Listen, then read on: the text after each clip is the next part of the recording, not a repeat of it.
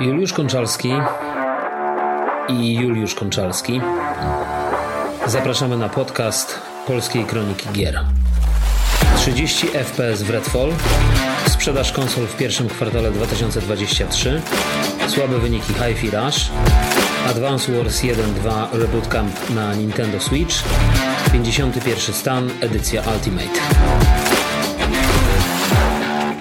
Witam serdecznie. To jest e, w zasadzie, można by powiedzieć, pierwszy odcinek podcastu Polska Kronika Gier.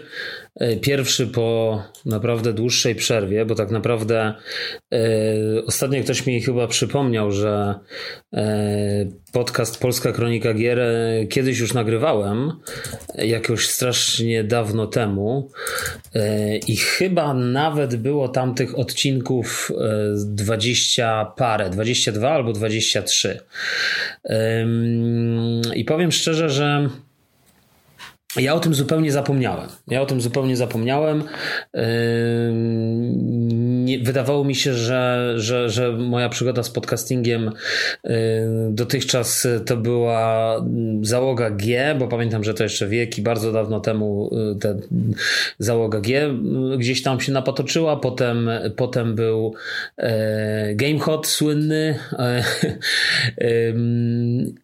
No a później przez, przez e, dłuższy czas i też z różnymi, z różnymi przerwami Fantasmagieria. I tak wyglądała moja jakby droga podcastowa, natomiast ja zapomniałem zupełnie właśnie o, tej, o tym, że ta polska kronika gier też e, gdzieś tam wcześniej była, gdzieś tam wcześniej występowała. E, no dobra, no to zaczynamy. Zaczynamy e, pierwszy odcinek, e, odcinek zerowy, odcinek być może do szuflady, być może nie, zobaczymy. To wszystko wyjdzie w praniu. Zobaczymy jak to będzie, jak to będzie szło. Zacznijmy może od pierwszego tematu. Albo nie, właśnie nie, nie zacznijmy od pierwszego tematu. Zacznijmy od takiego prostego pytania, które w zasadzie wydaje mi się, że dawno, dawno temu ukształtowało taki podcast y, Fantasmagieria. Y, bo pamiętam, że jak Dachman zaczynał nagrywać ten podcast, to y, jakby ten podcast był zbudowany na, na pytaniu, w co ostatnio grałeś. I to było takie z jednej strony kluczowe pytanie, a z drugiej strony tak naprawdę temat rzeka na, na cały odcinek i w zasadzie e, wszystkie inne tematy były gdzieś tam przy okazji. W tej chwili w ogóle w, ja nie słucham jakoś strasznie dużo tych podcastów, ale, ale zauważyłem, że bardzo wiele podcastów e, używa tego pytania na początku e, i zanim w ogóle się rozgrzeją panowie czy panie i zaczną rozmawiać i dywagować na temat różnych rzeczy, to rozmawiają o tym, w co ostatnio grali. W związku z tym ja też chyba powinienem od tego zacząć, bo pewnie trzeba się gdzieś tam trzymać jakichś ustalonych standardów branżowych. Więc zacznijmy od, od tego jakże prostego pytania. W co ostatnio grałem? No cóż. Niewiele, muszę przyznać. Jakby w ostatnim czasie y, przede wszystkim gram y, w gry bitewne, y, dużo mniej w gry komputerowe, dużo mniej, w, czy, czy gry wideo tak naprawdę, czy konsolowe, wszystko jedno generalnie, powiedzmy tak szeroko. Z, z różnych względów. Wydaje mi się, że jest teraz taki dość specyficzny moment w, w tych, tych planach wydawniczych i, i, i, w takim cyklu wydawniczym, tak to powiedzmy, e, gdzie tak naprawdę no, wyszło parę y, na początku może roku, próbuję teraz sobie przypomnieć, no oczywiście Hogwarts Legacy to była chyba taka naj najbardziej znacząca premiera, gdzie zresztą wyczytałem, że to w dalszym ciągu jest najlepiej sprzedająca się, się gra pierwszego kwartału. Natomiast tak naprawdę wszyscy czekamy. Wszyscy czekamy na Diablo 4, wszyscy czekamy na, e, może nie wszyscy, ale dużo ludzi czeka na, e, na Diablo, dużo ludzi czeka na e, nową Zeldę, która zaraz się ukaże. Także mm, no powiedzmy, no Redfall również na, na, na, na Game Passie, więc jest taki dość dziwny moment, w którym tak naprawdę za wiele nowych rzeczy się nie, nie, nie, nie ukazuje, a jednocześnie, a jednocześnie w, coś, w coś człowiek musi grać. No człowiek nie, nie wie, no właśnie, czy musi, czy nie musi. To jest istotne pytanie. No więc ja przede wszystkim gram, tak jak mówię, w gry bitewne. Miałem przyjemność uczestniczyć w takim evencie e, wiosenny Fubar, e, który odbył się e, w podwarszawskim Piasecznie 15 kwietnia, o ile mnie pamięć nie myli, czyli jakoś tak trochę może ponad tydzień temu. Event poświęcony właśnie grze bitewnej Bolt Action po prostu e, ekipa ludzi się zebrała i zorganizowała sobie turniej z fajnymi nagrodami. Znaczy właśnie turniej, no oni sami organizatorzy mówią, jakby unikają takiego sformułowania turniej, no ale z drugiej strony niby turniej był, niby turnieju nie było, a jednak nagrody były, klasyfikacja zwycięzców też była. Natomiast wydaje mi się, że, że, że bardzo udana impreza, bardzo dobre miejsce, w, w, w, którym to się, e, w którym to się wydarzyło. E, no i tak jak mówię, przede wszystkim właśnie, e, właśnie ten bold, bold action. W zasadzie powinienem dorzucić ten temat jako jeden z tematów na tym podcaście. No cóż, no to jest pierwszy odcinek, więc człowiek jeszcze tak do końca nie wie, o czym chce powiedzieć i trochę ta rozmowa wychodzi sama z człowieka i gdzieś nam się ostarza. No i, no i właśnie tak to wygląda. To znaczy ten bold action jest dla mnie siłą rzeczy taką grą, którą dużo grałem. Zresztą ja też mam taki mam taki um,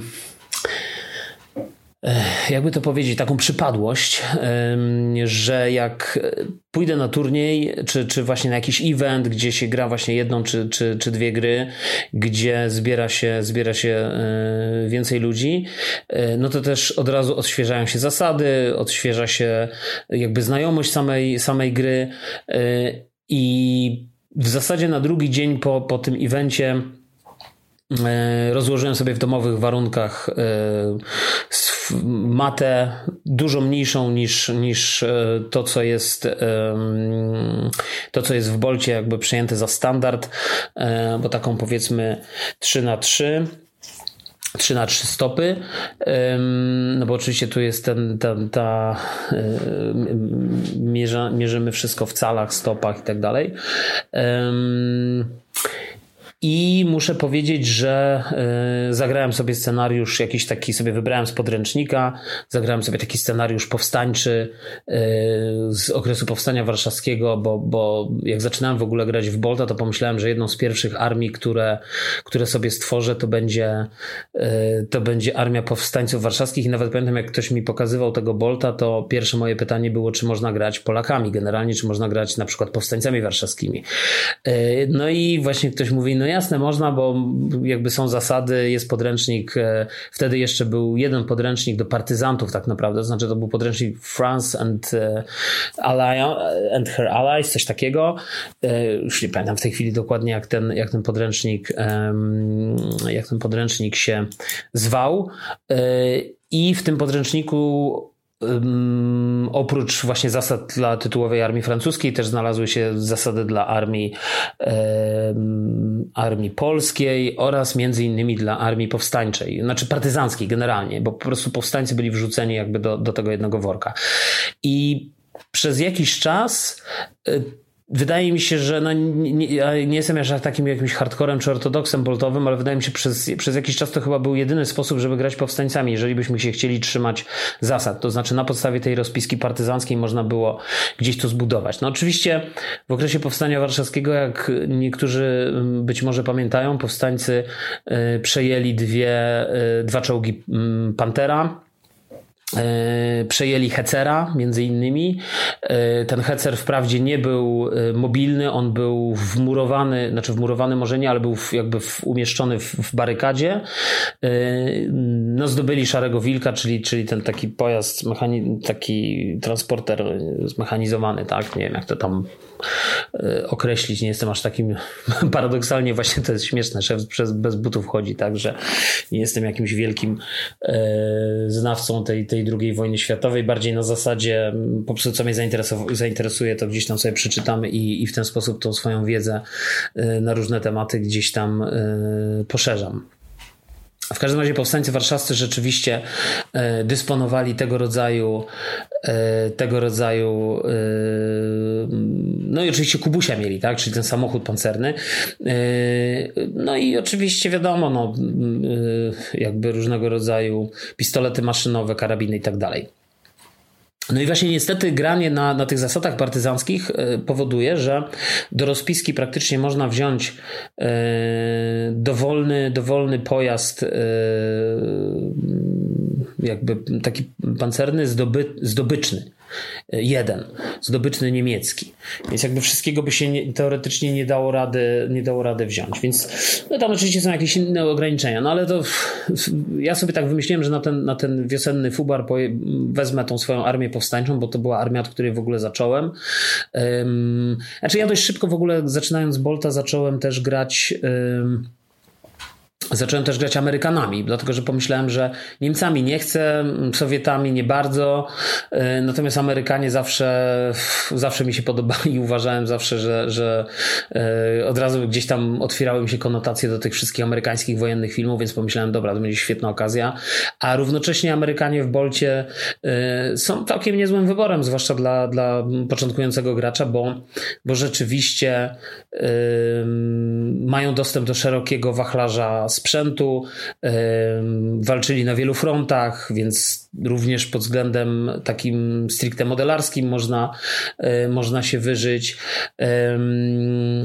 No i pomyślałem, że to będzie, że to będzie fajny, fajny taki punkt zaczepienia, a równocześnie gdzieś na boku sobie tam zbierałem modele e, powstańcze i, i ich malowałem. Później te moje drogi zboltowe były takie, że ja tą armię amerykańską sprzedałem. E, na jej miejsce kupiłem sobie e, na jej miejsce kupiłem sobie e, nic sobie nie kupiłem. Przestałem grać przez jakiś czas w Bolta i później pamiętam był event też organizowany przez jednego z moich znajomych, który, który mm, który właśnie w tego Bolta zaczął grać i pamiętam, że ja tak sobie pomyślałem, jakby wtedy jeszcze, tak sobie pomyślałem, że kiedyś odbuduję sobie tą armię amerykańską jeszcze przed tym eventem i pomyślałem, że to się akurat zbiegło w czasie z y, wydaniem nowych y, wzorów modeli przez Warlorda, czyli przez wydawcę, przez twórcę w zasadzie tej, tej, tej gry.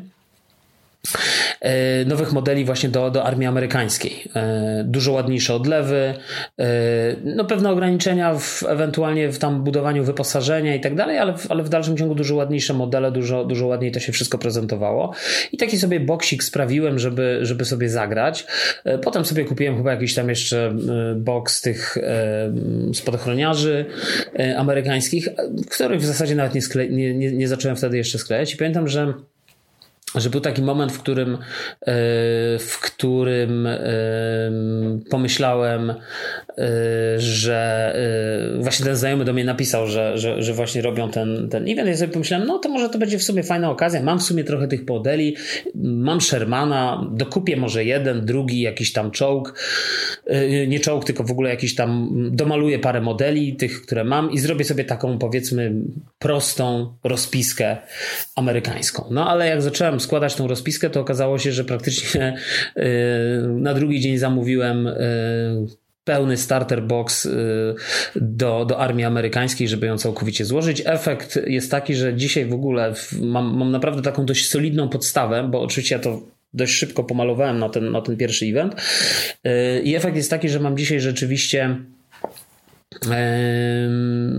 dość, dość, e, dość pokaźną e, liczbę tych modeli żołnierzy amerykańskich.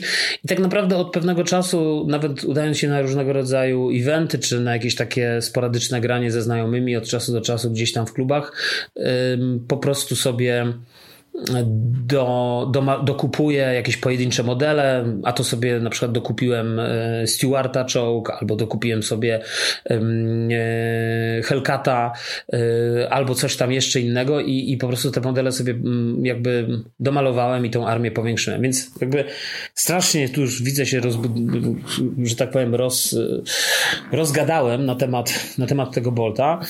Może spróbuję to jakoś podsumować w ogóle, żeby też to tak nie wyglądało, że to w sumie się zamienia w podcast o, o grach bitewnych. Ale z drugiej strony polska kronika gier. Nie mówimy, że to jest polska kronika gier komputerowych. Mówimy, że jest to polska kronika gier. Rozmawiamy o grach generalnie. Um, muszę powiedzieć, że bardzo udany event. Tak Podsumowując wszystko, e, ten wiosenny fubar w Piasecznie, bardzo fajni gracze, bardzo fajna atmosfera, świetne nagrody, dużo fajnych e, sponsorów.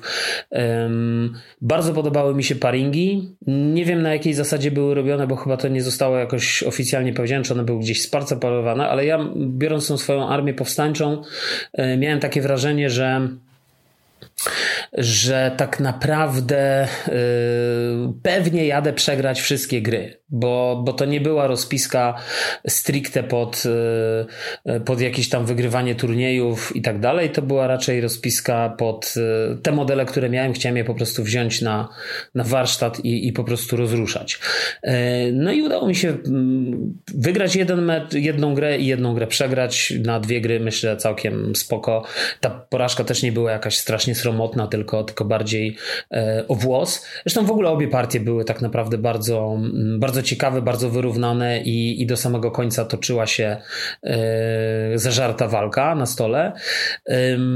Więc to mi się bardzo podobało. Tak? Natomiast na pewno nie podobało mi się to, że, że finalnie jakby z jednej strony mówimy event, z jednej strony mówimy yy, jakby spotkanie, a z drugiej strony e, jednak jest jakaś klasyfikacja, jednak są jakieś przyznawane nagrody też za pierwsze, drugie, trzecie miejsce i tak dalej. No to jeżeli jest event, to moim zdaniem zdarzało mi się bywać też na na turniejach bardziej, takich bardziej e, powiedziałbym kompetytywnych, rywalizacyjnych, gdzie te nagrody tak naprawdę były losowane wśród, wśród uczestników, bo bardziej liczyło się e, fakt stawienia i, i tak naprawdę te nagrody dla, dla, dla za pierwsze miejsca były bardziej symboliczne, tak? I jakiś taki ten. Więc to, więc to jedna taka rzecz. No i też finalnie ja w ogóle bardzo lubię grać w Bolta w taki, w taki sposób e, bardzo historyczny. To znaczy, bo w ogóle wydaje mi się, że też do tego Bolt został stworzony, czyli wybieramy sobie konkretny etap e, historyczny, konkretny moment w historii e, II wojny światowej. Wybieramy sobie selektory, z, jakby budujemy armię w oparciu o selektory związane z danym teatrem działań, czyli na przykład, nie wiem, Normandia w 1944 i, i po prostu sobie, czy, czy na przykład e, e, nie wiem, Stalingrad, tak, czy, czy, czy Af Afryka Pół, Północna, Polska w 39, inwazja Blitzkrieg na Polskę, bo też te armie y, i w ogóle mm, jednostki, którymi dysponowały różnego rodzaju armie i zaangażowanie w wojnę w różnych okresach było różne, tak, i, i, i wydaje mi się, że to jest też taki ciekawy aspekt tej gry. I to jest to, co chyba najbardziej mnie zawsze w tym bolcie y, jakby kręciło, czyli granie na tych konkretnych historycznych selektorach. Natomiast także zacząłem nieoczekiwanie od tego, w co ostatnio grałem. No tak, no to ostatnio grałem w Bolta, rzeczywiście. Oprócz tego gram też w Necromundę, kolejny system bitewny, ale na razie może nie będę o nim specjalnie e, za dużo mówił, bo, bo, mm, bo może to nie jest chyba jeszcze ten moment. Może już o tych bitewniakach wystarczy na, na, na razie. E, z gier komputerowych i z gier wideo e, to może tak. E, powiedziałem, że nie grałem za dużo, ale w coś tam grałem, bo mm, wiadomo, że, że zawsze coś, coś, coś się lubi, coś trzeba zagrać, tak? Coś, coś człowiek musi usiąść i zagrać.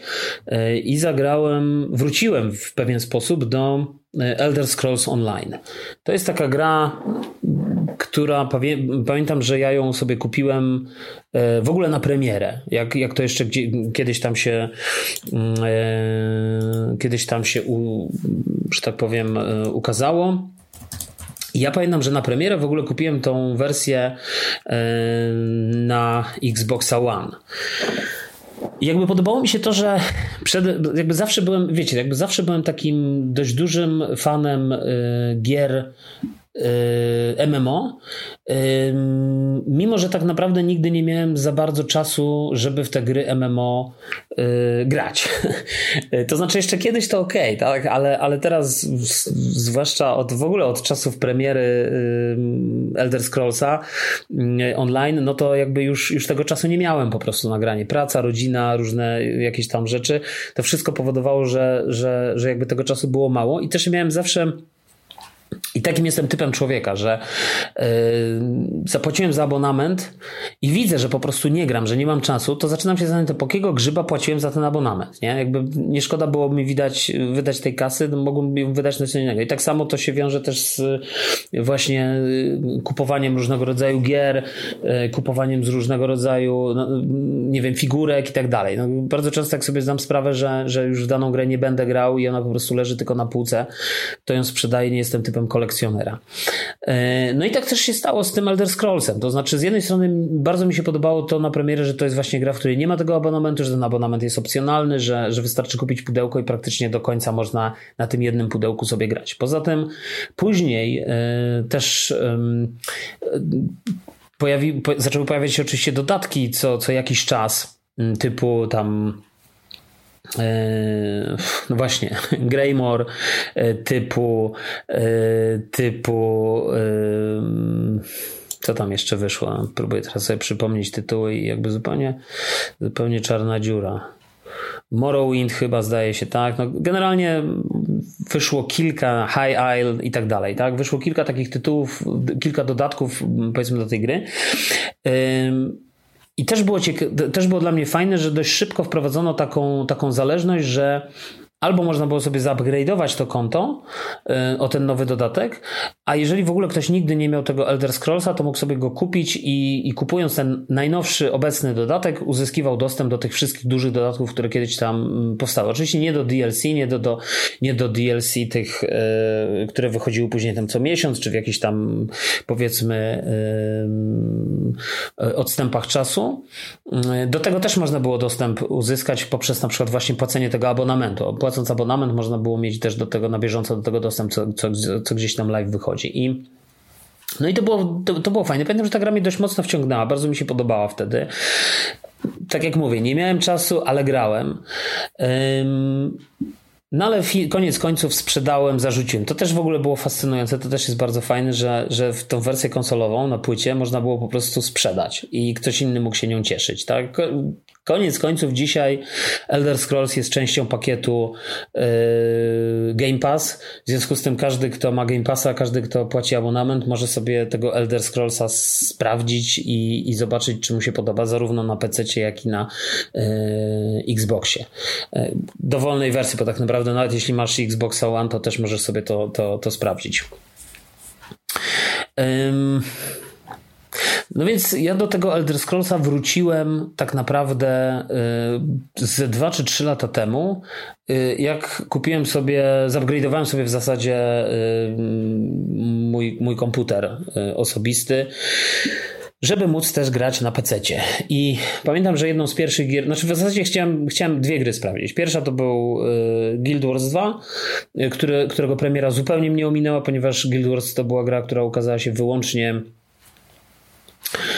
Eee, to była gra, która się ukazała wyłącznie na, eee, na PC-ty. Eee, no i chciałem zobaczyć, jak ona w ogóle się, jak ona się w ogóle tam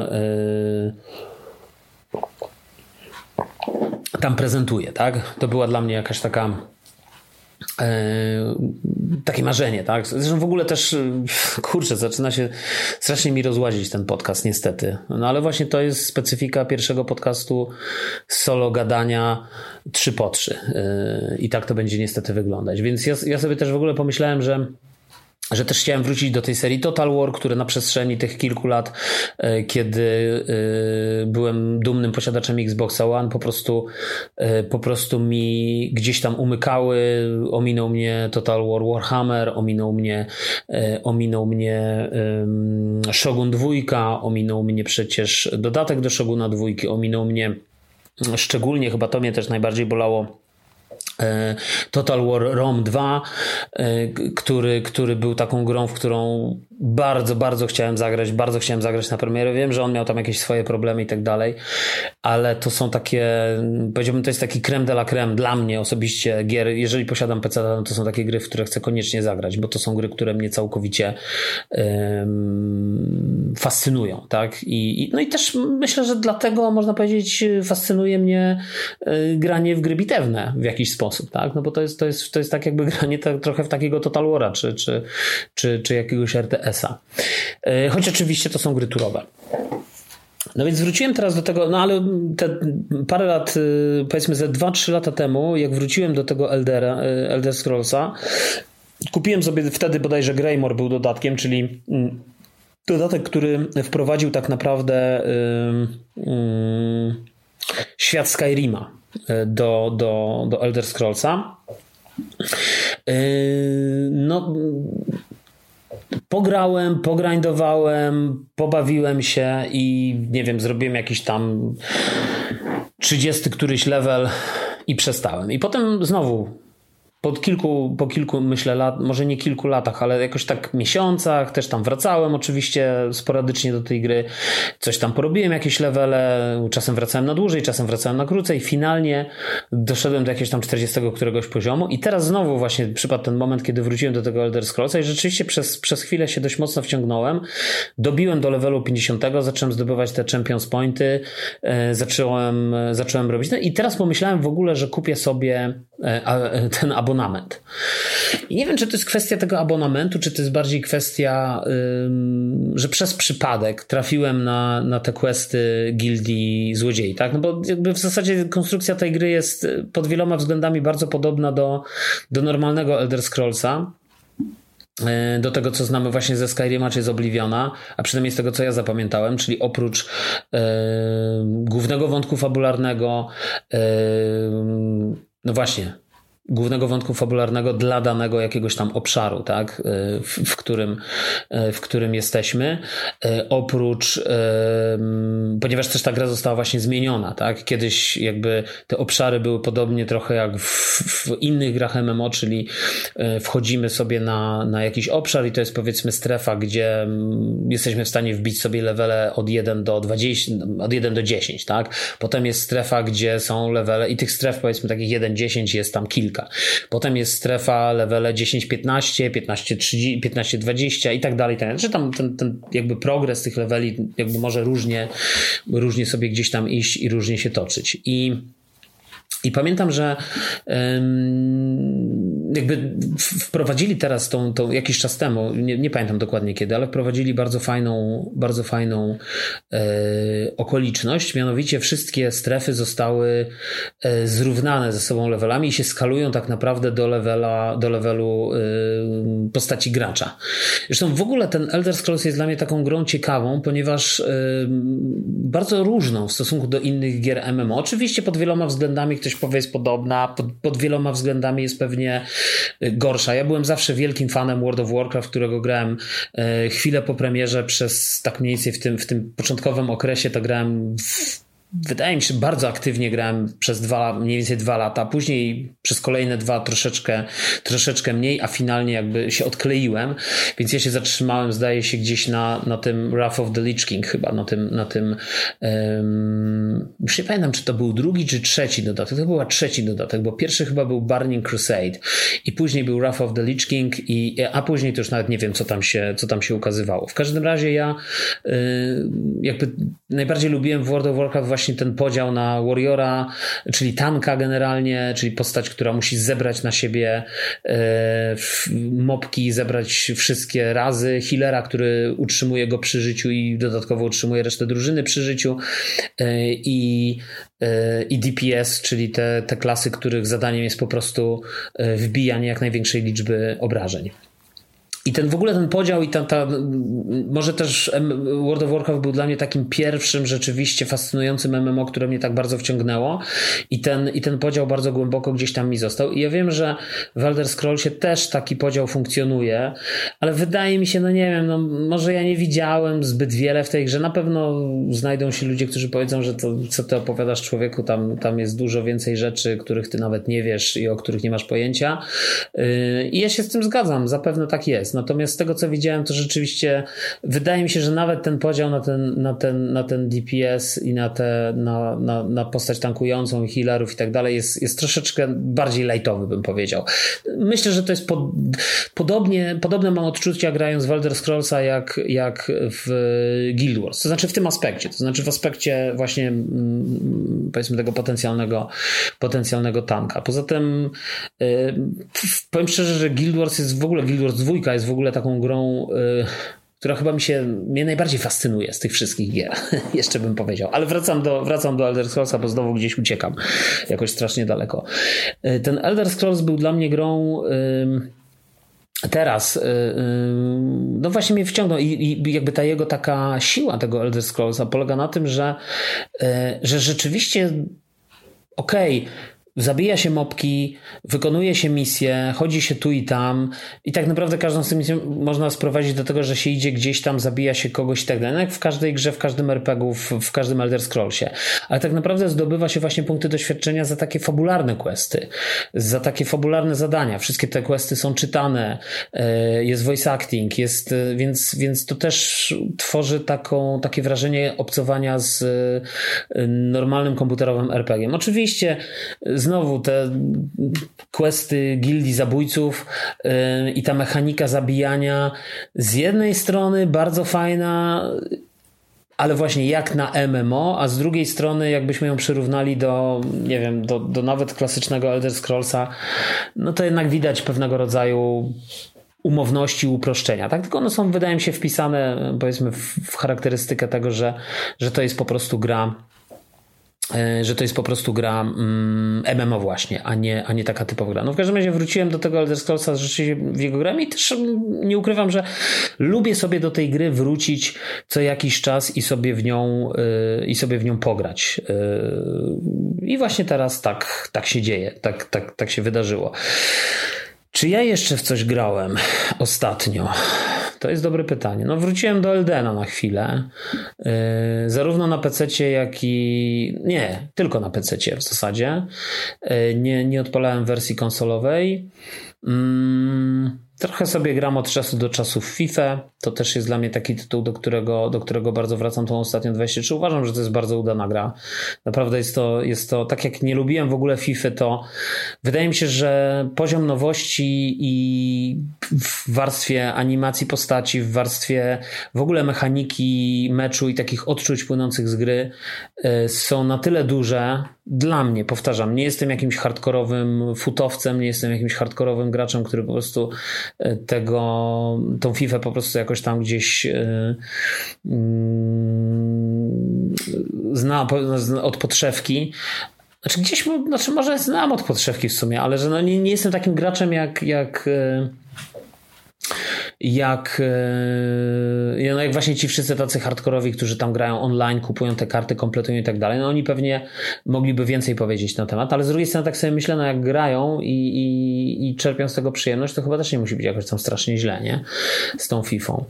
Yy, więc jestem na takim etapie, powiem szczerze, jeśli chodzi o gry, że, że wracam do różnych gier, yy, których nie skończyłem. Odpaliłem też go do Wora. I tak się zastanawiam, co tutaj, gdzie ten haczyk się zatrzyma na dłużej? A być może kupię coś nowego, a być może kupię y, i zagram, i zagram w jakąś nową grę. Także, także z gier komputerowych to myślę, to myślę by było przede wszystkim, y, wszystkim to, to były te tytuły. No dobra, no ale zacznijmy w takim razie może y, normalną część tego podcastu tak to nazwijmy, e, i, porozmawiajmy sobie o, o tych różnych wydarzeniach, które się zadziały. Chciałem zacząć od, od, od takiej informacji, która przyszła tak trochę znikąd. 12 kwietnia twórcy Redfalla ogłosili, że y, pewnie już wszyscy to słuchali na wszystkie możliwe strony, ale ja nie byłbym sobą, gdybym też tego jakoś nie skomentował. Twórcy Redfalla ogłosili, że y, Redfall na, na Xboxie y, będzie posiadał tylko i wyłącznie na start, będzie posiadał tylko i wyłącznie tryb y, quality, czyli taki tryb jakości, można powiedzieć, wizualnej, i w przypadku Xboxa Series X to będzie y, grafika 4K 30 klatek na sekundę. W przypadku Xboxa Series S to będzie rozdzielczość 1440p i też 30 klatek na sekundę. Natomiast tryb performance 60, 60 klatek na sekundę zostanie odpalony y, w ramach jakiegoś y, update'u tej gry później, już po premierze. I powiem szczerze, że to jest dla mnie taka informacja rozczarowująca, bo ja też znam ludzi, znam też osoby, które czekają na tego Redfalla dużo bardziej niż ja i które myślę liczyły, że to będzie wreszcie pierwszy w tym roku ciekawy tytuł od Microsoftu. Ja muszę przyznać, że mnie ten tytuł zupełnie yy, jakoś tam nie powalił na kolana te gameplaye, które widziałem, wydaje mi się taki generyczny team shooter, przypominający e, skądinąd grę, która mi się bardzo jakby podobała, czy ten Rainbow Six e, Extraction. Tyle tylko, że w innej, e, w innym takim anturażu graficznym, tak? Extraction, powiedzmy takie jakieś Rainbow Six sci-fi. Natomiast tutaj, tutaj mówimy o w walce z wampirami, tak? Ale ani graficznie ta gra jakoś specjalnie nie, nie imponowała i niestety w dalszym ciągu nie imponuje, ponieważ te, te materiały, które zostały wypuszczone w, też ostatnio, no, z mojej perspektywy niezbyt, niezbyt, niezbyt mnie przekonują. Jak będę miał Game Passa aktywnego, bo też tego Game Passa co jakiś czas aktywuję sobie, pod warunkiem, że są jakieś promocje, no to pewnie spróbuję i pewnie zagram. Tylko zastanawiam się, jak to będzie chodziło na PC. Też słuchałem ostatnio na Digital Foundry, że zaczęli się zastanawiać e, autorzy, że e, jeżeli na Xboxie będziesz miał 30 klatek na sekundę, e, to jak, jak, jak mocarnego PC-ta ta gra będzie wymagała, żeby, żeby, żeby uzyskać lepszy efekt. No sam jestem ciekaw. I ciekaw jestem, czy to będzie takie przełożenie jeden do jednego, nie? Ale z drugiej strony niepokojąco to w ogóle brzmi, bo wydaje mi się, że no nie wiem, no nawet wypuszczenie na początek trybu 60 klatek na sekundę z e, połową rozdzielczości 4K, albo nawet już od biedy te 1440p, albo z jakąś dynamiczną rozdzielczością, no byłoby lepszym rozwiązaniem niż, niż mówienie, że, że tego nie będzie. Potem przyszedł mi do głowy taki, taki pomysł dość e, diaboliczny, e, bo wydaje mi się, że koniec końców Microsoft w PR tak nie bardzo, nie bardzo potrafi. I, i, I zacząłem się zastanawiać, czy w ogóle nie jest to jakiś taki cwaniacki plan PR-owców od Xboxa, którzy wpadli na pomysł, że no dobra, nie zrobimy tego trybu, nie damy rady, tak, no bo oczywiście ta premiera jest zaplanowana gdzieś tam na początek maja, nie jesteśmy w stanie tego dowieść, nie mamy już czasu, już tą premierę też wydaje mi się, że ze dwa razy co najmniej Redfall był yy, przesuwany. Yy, puśćmy taką informację, Zobaczymy, co ludzie powiedzą, a nuż widelec, y, pojawią się petycje i chyba nawet się pojawiły takie petycje, tak swoją drogą, y, w których gracze będą prosić nas, żebyśmy przesunęli datę premiery, ale wtedy to przesunięcie daty premiery nie będzie wynikało od nas, tylko będzie wynikało od, jakby wychodziło od graczy. W związku z tym my się wsłuchamy w ten głos graczy i powiemy, że dla dobra ich gry, dla dobra naszej gry, dla dobra, dla dobra experience y, przesuniemy tą premierę, no bo słuchamy graczy, jesteśmy for Gamers i tak dalej, nie? For the Players, czy For the Players to była ta druga firma, ale, ale generalnie to jest tak. No więc powiem szczerze, że taka informacja naprawdę rozczarowująca. Ja w ogóle też zacząłem się zastanawiać, jak to będzie wyglądało z perspektywy mm, z perspektywy Forcy Motorsport, która wychodzi w tym roku, mm, znaczy ma wyjść w tym roku i z, i, i z perspektywy Starfielda, nie? bo, bo nie wiem, jakie tam się newsy pojawią. Może się na przykład pojawi informacja, że Starfield wyjdzie na premierę w 15 klatkach na sekundę, ale jak gracze napiszą petycję, no to znowu przesuną premierę i będzie 30. A może też się czepiam, może się okaże, że, że Starfield będzie dobrze zoptymalizowany. No. Też w ogóle ciekawe, bo czytałem różne opinie e, różnych graczy i też się trochę z, poniekąd z nimi zgadzam. No ja pamiętam rzeczywiście, jak człowiek był młody i, i taki romantyczny i bardzo tak romantycznie nastawiony do życia, no to grało się w te 15 klatek na sekundę, 20 klatek na sekundę Ja pamiętam, że sam się nawet kiedyś yy, byłem takim stałem po prostu jasne i mówiłem 25 klatek na sekundę ludzkie oko nie jest w stanie zauważyć tego ruchu, który jest niepłynny. To prawda, tylko że w momencie, w którym kontrolujemy yy, tą naszą postacią, czy kontrolujemy kamerą z, yy, z oczu bohatera, yy, no to jakby to nie jest, to jakby nie ma przełożenia do tego ruchu. No może z oczu bohatera to jeszcze ok, ale, ale ta kamera podążająca za naszą postacią, no to ten ruch. Yy, a nie, no nawet dobrze, no to my chcemy widzieć ten ruch jeden do jednego. A jeden do jednego w naszej normalnej ludzkiej rzeczywistości, ruch naturalny, to nie jest 25 klatek na sekundę. To jest czasem szybciej, czasem wolniej, to jest jakby, to jest po prostu dynamiczny ruch i my ten ruch możemy gdzieś za, zamknąć w jakiejś takiej szkatułce yy, i, powiedzieć 120 klatek na sekundę albo 30. Też to jest śmieszne, yy, bo jakoś tak niedawno zupełnie pojawiła się też informacja o tym, że Gran Turismo akurat wprowadzi. Yy, Polyphony Digital wprowadziło ten, ten tryb 120 klatek na sekundę, więc to też jest, to też jest ciekawa y, informacja. Y, ja oczywiście też to szybko przetestowałem, zobaczyłem jak to wygląda. No nie wchodziłem, pewnie trzeba by obejrzeć Digital Foundry i zobaczyć jakim kosztem to jest. No na pewno kosztem ray tracingu, tak? To też jest wielkie pytanie o ten ray tracing w Forcy, w Forcy tej nowej Forcy Motorsport. Ma być, jest to nagrane, jest to na trailerze, tak? No ale z drugiej strony w zeszłym roku na trailerach i zwiastunach mówiono, że yy, Starfield wyjdzie nie później niż w połowie roku 2023, tak? Te gry, to była taka konferencja w zeszłym roku, w 2022, jakoś tak nie pamiętam kiedy dokładnie, gdzieś w wakacje i ona mówiła o tym, że rok od tej konferencji, to było zdaje się w czerwcu, wszystkie te gry się ukażą. E, a już wiadomo, że, że Starfield się nie ukaże, bo Starfield został przesunięty w tej chwili, już nie pamiętam, gdzieś na wrzesień, tak? No jakoś tak zaraz po wakacjach chyba. Wrzesień czy październik ma, ma, ma a może listopad nawet. Nie wiem. Nie pamiętam, zobaczymy. Także, także powiem szczerze, to taka informacja trochę, trochę rozczarowująca, tak? No ale pożyjemy, zobaczymy. Może się okazać, że też gra będzie, że gra będzie spoko. No.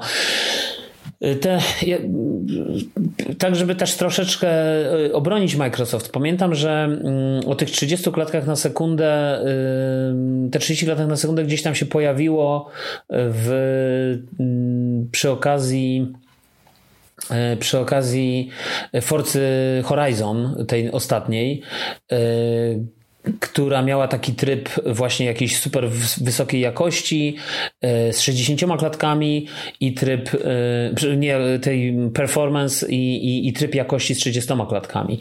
E, I już ja już nie pamiętam, ale czy, czy, czy tam były jakieś takie znaczące różnice? No jakieś tam były, bo to pokazywali w sumie. Chociaż ta gra bardzo, bardzo podobnie wyglądała tak naprawdę na wszystkich platformach. Oczywiście widać było więcej detali na tych lepszych konsolach, ale w zasadzie różnica tam między Xboxem One X y, czy, czy, czy Series y, już w tym momencie X już, już nie była aż jakaś taka straszliwa, nie? Zresztą w trybie, bo te, te, te, te mniejsze konsole zdaje się miały, te, te starsze konsole miały zdaje się ten tryb tylko i wyłącznie 30 klatek na sekundę, na Series X był jeszcze tryb performance'u zdaje się z 60 klatkami, ale tam był jakiś dość zauważalny downgrade graficzny.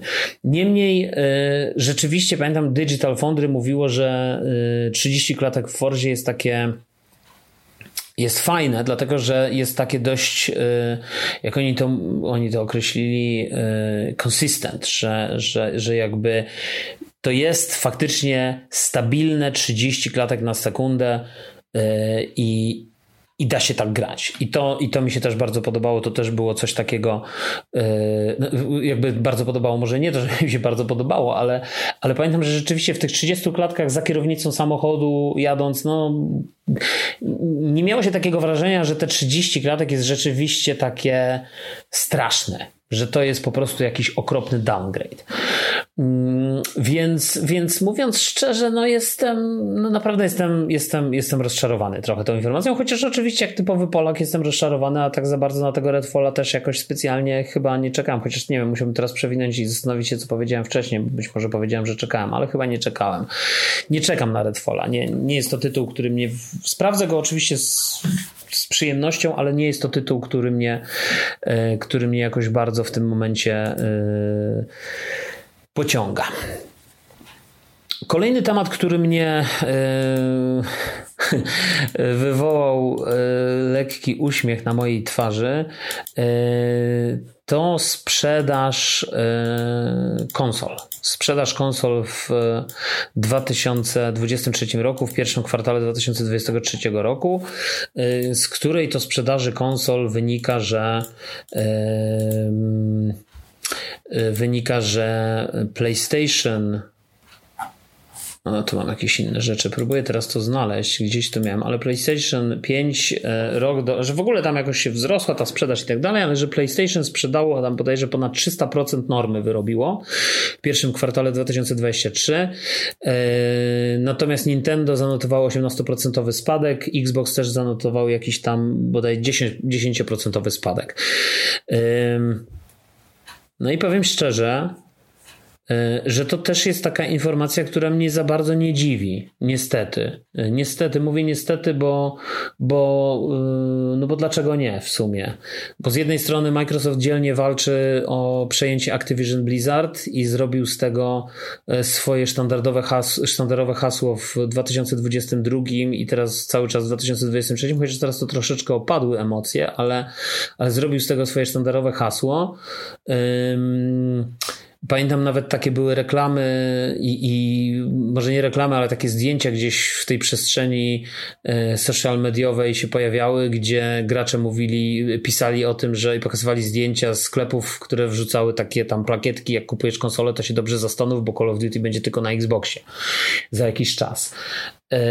No Microsoft wszystkim naobiecywał, że nawet Call of Duty będzie na Nintendo, więc tak na dobrą sprawę wydaje się, że to nie ma większego znaczenia, a 10 lat to jest szmat czasu i przez ten czas po pierwsze Microsoft może w ogóle serię Call of Duty całkowicie uwalić, może całkowicie obniżyć jej jakość, a Sony może wymyślić swoją wersję Call of Duty, tak? No ma przecież cały czas w zanadrzu gdzieś tego Killzona, o którym chyba jest cały czas bardzo cicho, bo nie słyszałem żadnych doniesień, żeby, żeby gdzieś tam, y, że coś tam się dzieje w przypadku Killzona.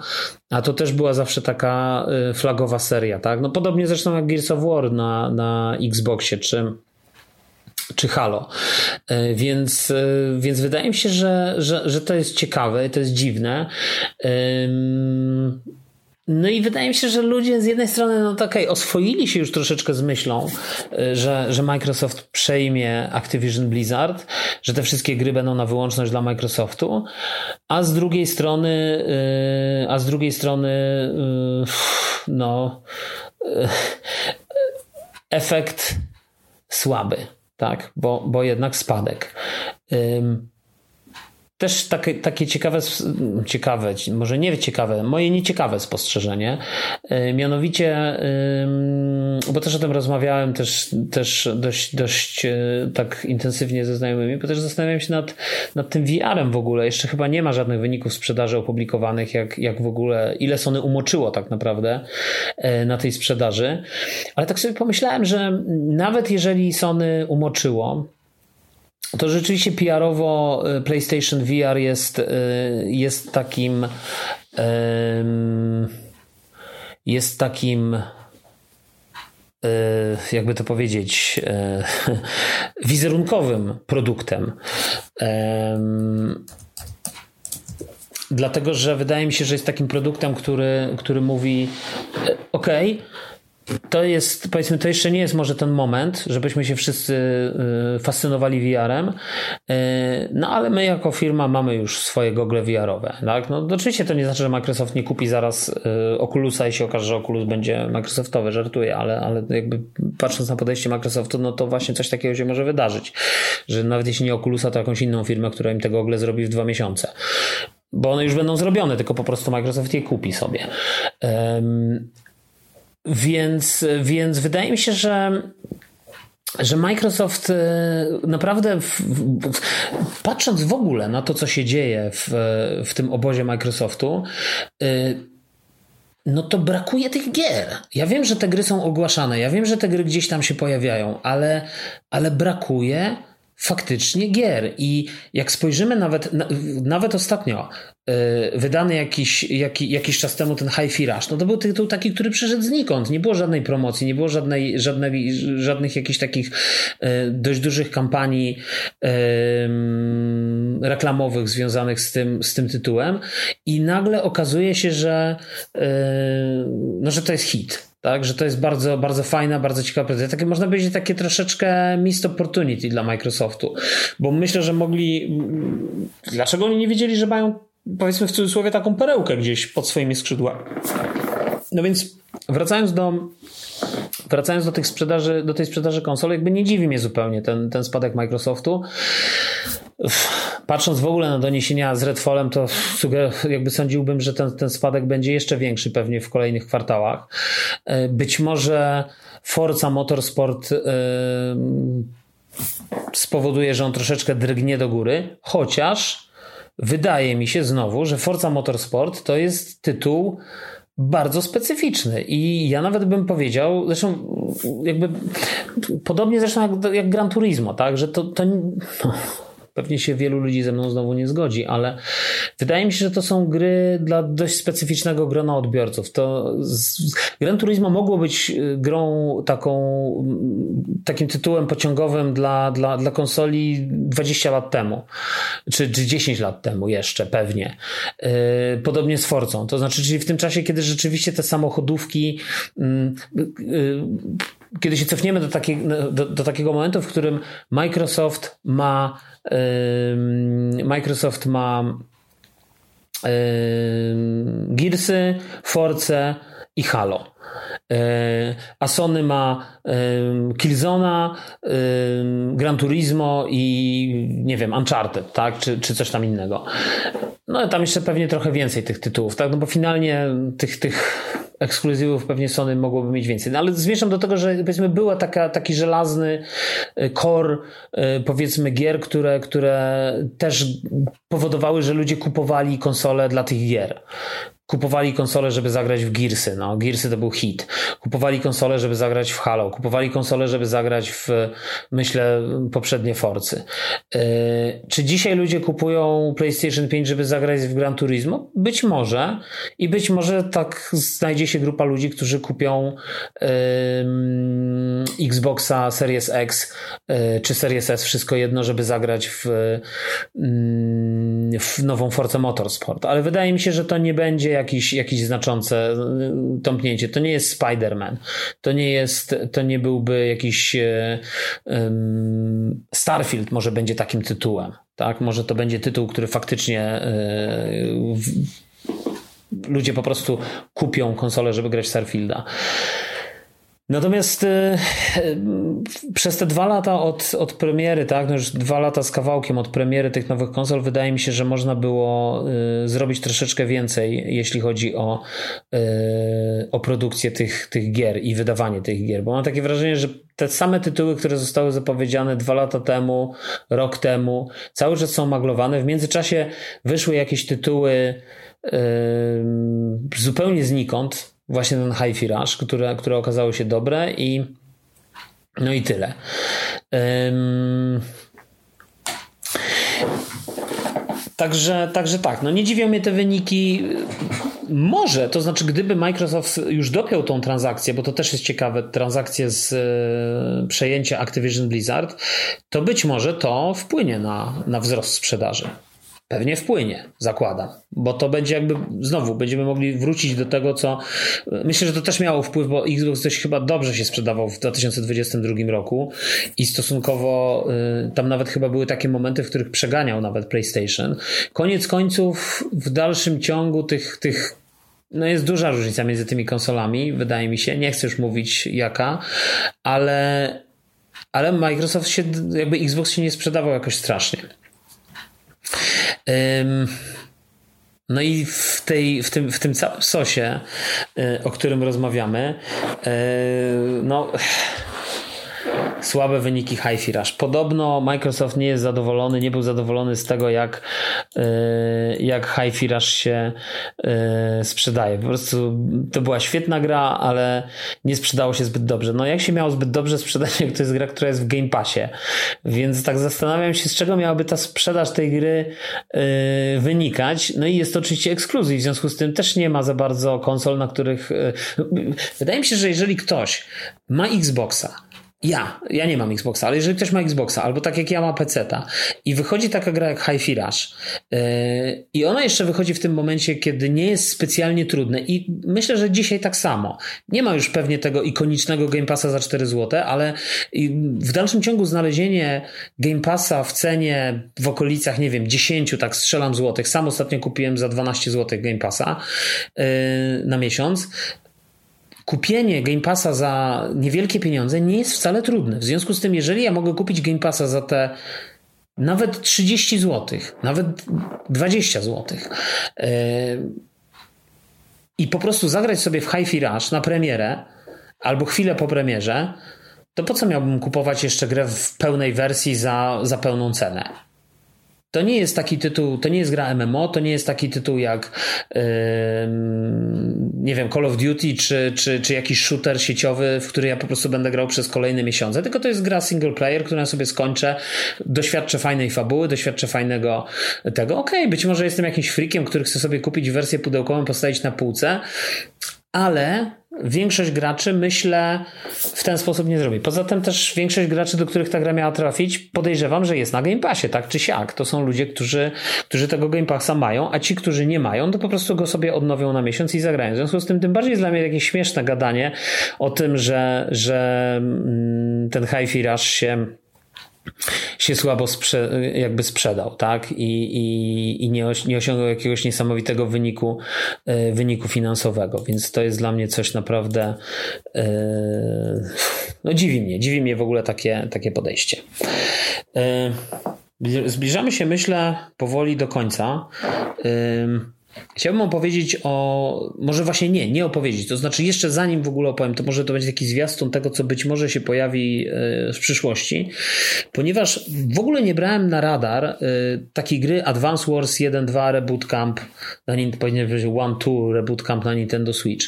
W ogóle nie brałem tej gry pod uwagę, aż w końcu ona wyszła e, w ostatni piątek 20, sprawdzam specjalnie na kalendarzu, 21 kwietnia się ukazała. I zaczęło, zaczęło być o niej głośno, zaczęły się pojawiać recenzje, zaczęły się pojawiać opinie. Oczywiście mm, pojawiły się też opinie takich graczy, którzy jeszcze pamiętali tę grę z e, Game Boy Advance. Ja nigdy nie posiadałem Game Boya, w związku z tym nie, nie mam zdania. No, pojawiały się takie zdania, że ten nowy kierunek graficzny jest słaby, że, że ta gra wcześniej wcale nie była taka brzydka, tak? Jakby w sensie, że, że w dalszym ciągu można ją w tej formie retro, powiedzmy, gdzieś tam rozpikselowanej sobie grać. Że tych zmian jest pewnie mało i tak dalej, ale ja muszę powiedzieć, że zacząłem oglądać te materiały i ten tytuł mnie bardzo zaciekawił. I wydaje mi się, że to jest taka gra, w którą bym chciał zagrać. E, I, i, i powoli, powoli e, przekonuję się wewnętrznie, że chyba sobie tą grę kupię i sobie ją chyba, że tak powiem, sprezentuję, bo, e, bo przekonuje mnie gameplay i przekonują mnie, przekonują mnie trailery, przekonuje mnie ten klimat. W ogóle no, gry na Nintendo są pod wieloma względami dość, e, dość charakterystyczne, dość specyficzne e, i i ja lubię ten, ten, ten klimat i tą atmosferę y, tych gier Nintendo. Więc, więc to taki, powiedzmy, taka mała zapowiedź tego, że, że, że Hi-Fi Rush to jest tytuł, który, o którym być może będę chciał w przyszłości coś więcej powiedzieć, a na razie, na razie bardzo mnie zaciekawił, więc też możecie ewentualnie w swoich komentarzach dodać, co o tym, co o tym myślicie. No i na koniec, słuchajcie, ostatnia rzecz, o której chciałem powiedzieć. Ale w sumie nie będę o niej mówił dużo, bo wydaje mi się, że gry planszowe to nie jest temat, który y, ludzi tutaj fascynuje, albo, a szczególnie gry karciane, ponieważ stałem się posiadaczem gry 51 stan Ultimate Edition. Ona teraz y, w kwietniu się ukazała. Była, zdaje się, jakaś zbiórka na Kickstarterze, wydaje mi się. Ja tam nie jestem jakiś specjalnie zbiórkowy, nie, nie wspieram tych wszystkich crowdfundingów, więc po prostu sobie kupiłem wersję, jak tylko y, pojawił się preorder w sklepach. To jest gra w ogóle z tej, z tej samej z tego samego, mm, że tak powiem, trzonu, z którego wyrasta, z tego samego pnia, z którego wyrasta, yy, wyrastają osadnicy narodziny imperiów, yy, a tak naprawdę no, oryginalny 51 stan, czyli Ignacy Trzewiczek y, zrobił grę karcianą 51 stan wieki temu. Nie wiem, który to był rok, jakoś strasznie dawno. 2009 pewnie bym strzelał, ale, ale właśnie zaraz sobie wygooglam, żeby sobie żeby sobie to sprawdzić, tak z ciekawości. Ale chyba teraz tego nie znajdę.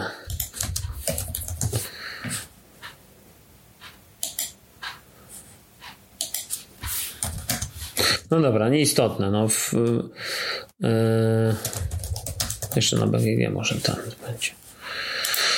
Tak, no w, w, każdym razie ja, ja grałem w tą oryginalną wersję tego 51, 51 stanu. Yy, I i pamiętam, że to była yy, to była dla mnie taka naprawdę. Mm, no właśnie, tak, tak, to jest taki typowy polski, takie typowe polskie, taka mroczna, yy, dołująca, przygnębiająca, ale jednocześnie ciekawa. Do tego jeszcze pamiętam, ona taka była mało intuicyjna, ale też może ona była mało intuicyjna dla mnie, ponieważ nie wiem, 10 lat temu jak w nią grałem, no to dopiero wchodziłem w to planszówkowe hobby. Wiecie, dzisiaj człowiek już jak zaczyna grać w te gry planszowe, no to one bardzo często mają różne mechaniki, którymi yy, które się powtarzają tak, w różnych grach. W związku z tym to też jest tak, że, yy, że jakby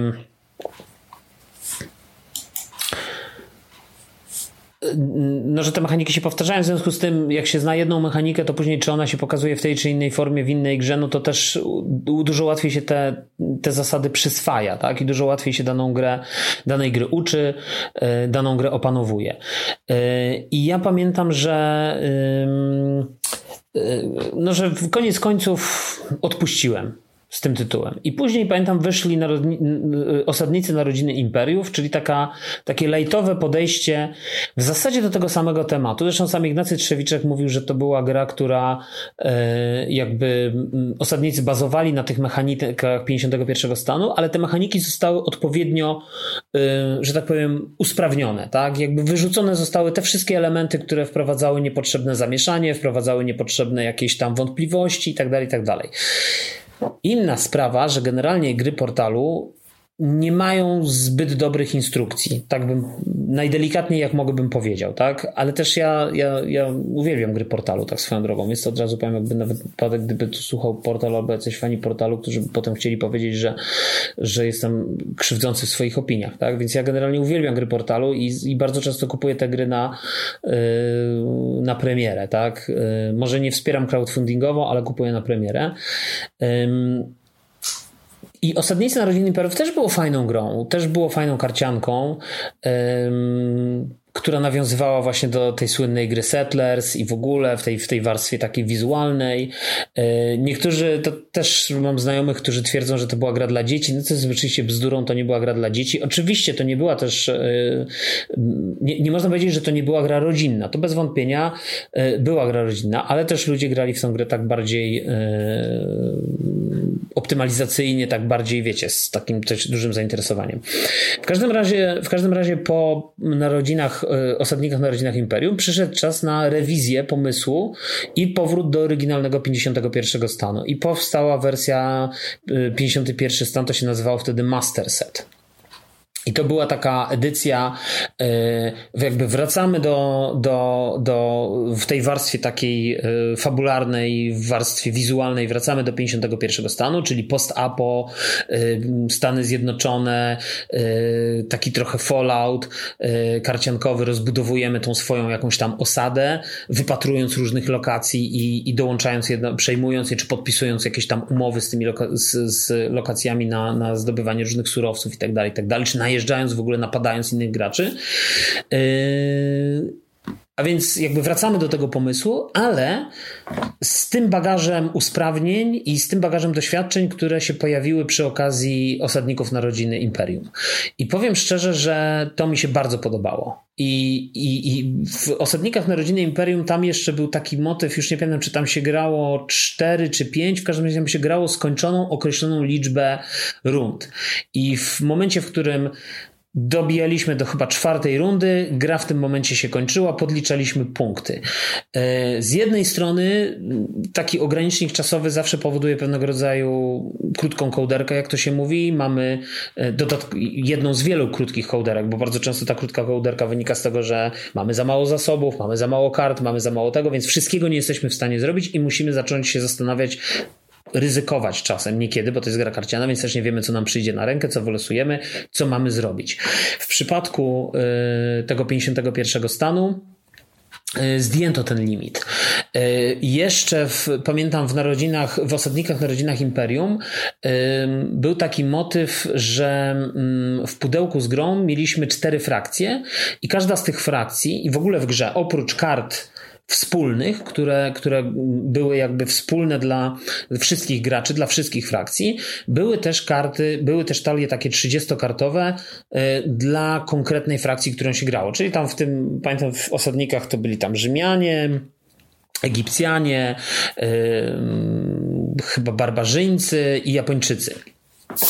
I generalnie grając każdą z tych frakcji grało się e, dedykowaną dla nich jakby talią, plus e, była jeszcze talia tych kart neutralnych, dużo większa, e, która wprowadzała ten taki konieczny element losowości. I jak się rozbudowało te, te oczywiście była taka powiedzmy pionowa planszetka naszej, naszej frakcji i karty się układało w karty produkcyjne w pierwszym, w najwyższym rzędzie, w środkowym rzędzie były karty z jakąś tam cechą i karty akcji w, na samym dole, tak, w tym ostatnim rzędzie. I teraz po prawej stronie się kładło karty frakcyjne, po lewej y, karty neutralne, tak, żeby nie mieszać tych, tych. No, nie wiem, już nie pamiętam, albo odwrotnie, wszystko jedno, ale w każdym razie po jednej stronie było, było miejsce dla kart y, frakcyjnych, po drugiej było miejsce dla kart neutralnych.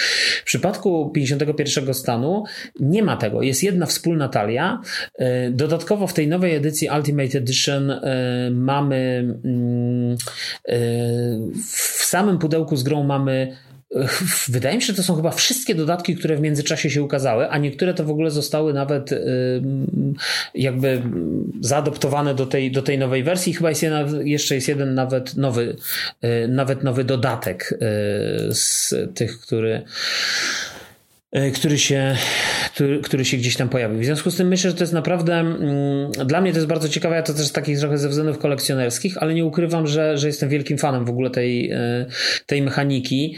E, no właśnie tej mechaniki poprawionej od czasu osadników, tylko że w przypadku osadników nie do końca podobały mi się karty frakcyjne i nie do końca podobały mi się, znaczy grafiki były bardzo fajne i one mi się bardzo podobały, ale potem w przypadku osadników przyszła taka gra, która się nazywała Osadnicy Królestwa Północy, która z jednej strony była nawiązaniem do osadników, a z drugiej strony w warstwie mechanicznej, no była to już taka, powiedziałbym, no nie chcę powiedzieć, że zupełnie, ale w sumie no bardzo inna gra. Bardzo inna gra, ale troszeczkę podobna. Mm, grało się swoimi taliami, rozbudowało się te mm, y, jakby powiedzmy lokacje i ja w ogóle jestem wielkim fanem tych Królestw Północy. Ja wiem, że ta gra y, zbiera bardzo takie, powiedziałbym, ambiwalentne recenzje, to znaczy niektórzy chwalą, niektórzy nie chwalą, niektórzy mówią, że jednak porażka. Dla mnie, albo, albo może nie, no porażka to w sumie aż takich chyba nie było recenzji, ale niektórzy, niektórzy bardzo chwalą, a niektórzy mówią, że, no, że jednak jest fajne, ale takie bardziej rodzinne, wolę grać w Narodziny Imperium. Ja jestem wielkim fanem Królestw Północy, Mam wszystkie dodatki, które wyszły. Yy, uważam, że gra jest naprawdę bardzo udana i bardzo dobra. A jednocześnie chciałem też mieć w kolekcji. Nawet przez jakiś czas zastanawiałem się, czy nie kupić właśnie tego 51, yy, tych osadników Narodziny Imperium, bo potem w międzyczasie, jeszcze jakoś tak chyba w zeszłym roku, czy rok temu, ukazał się dodatek roz, poprawiający tryb solo w ogóle w, w tej grze. Popra pojawiający też taki tryb kampanijny, więc też do Królestw Północy wyszedł nowy dodatek stricte solo, więc którego też mam i niestety przyznaję się bez bicia, w którego jeszcze nigdy nie zagrałem. Więc, więc no ale rzeczywiście sięgnąłem po 51 stan, żeby, żeby go mieć w swojej kolekcji. Tak. Także podsumowując 51 stan, powiem krótko, świetna gra. Dla mnie przede wszystkim z takich względów kolekcjonerskich e, chciałem ją mieć po prostu w swoim e, w swoim w swojej kolekcji gier. No dobrze, wydaje mi się, że to już jest e, najwyższy czas, żeby zakończyć e, tę moją przydługą trochę pogadankę. Mam nadzieję, że nie było jakoś strasznie męczące. Mam nadzieję, że ktoś chociaż dotrwał do końca i, i być może e, coś, coś go zaciekawiło, a być może nie. A być może to wszystko nie ma najmniejszego sensu. Czekam na opinie różne, wszystkie, jakie chcecie. Y, dzielcie się nimi ze mną y, i zobaczymy, w którą stronę to będzie dalej zmierzać. Czy to w ogóle ma jakikolwiek sens. Y, a tymczasem żegnam się z Wami. Trzymajcie się, cześć.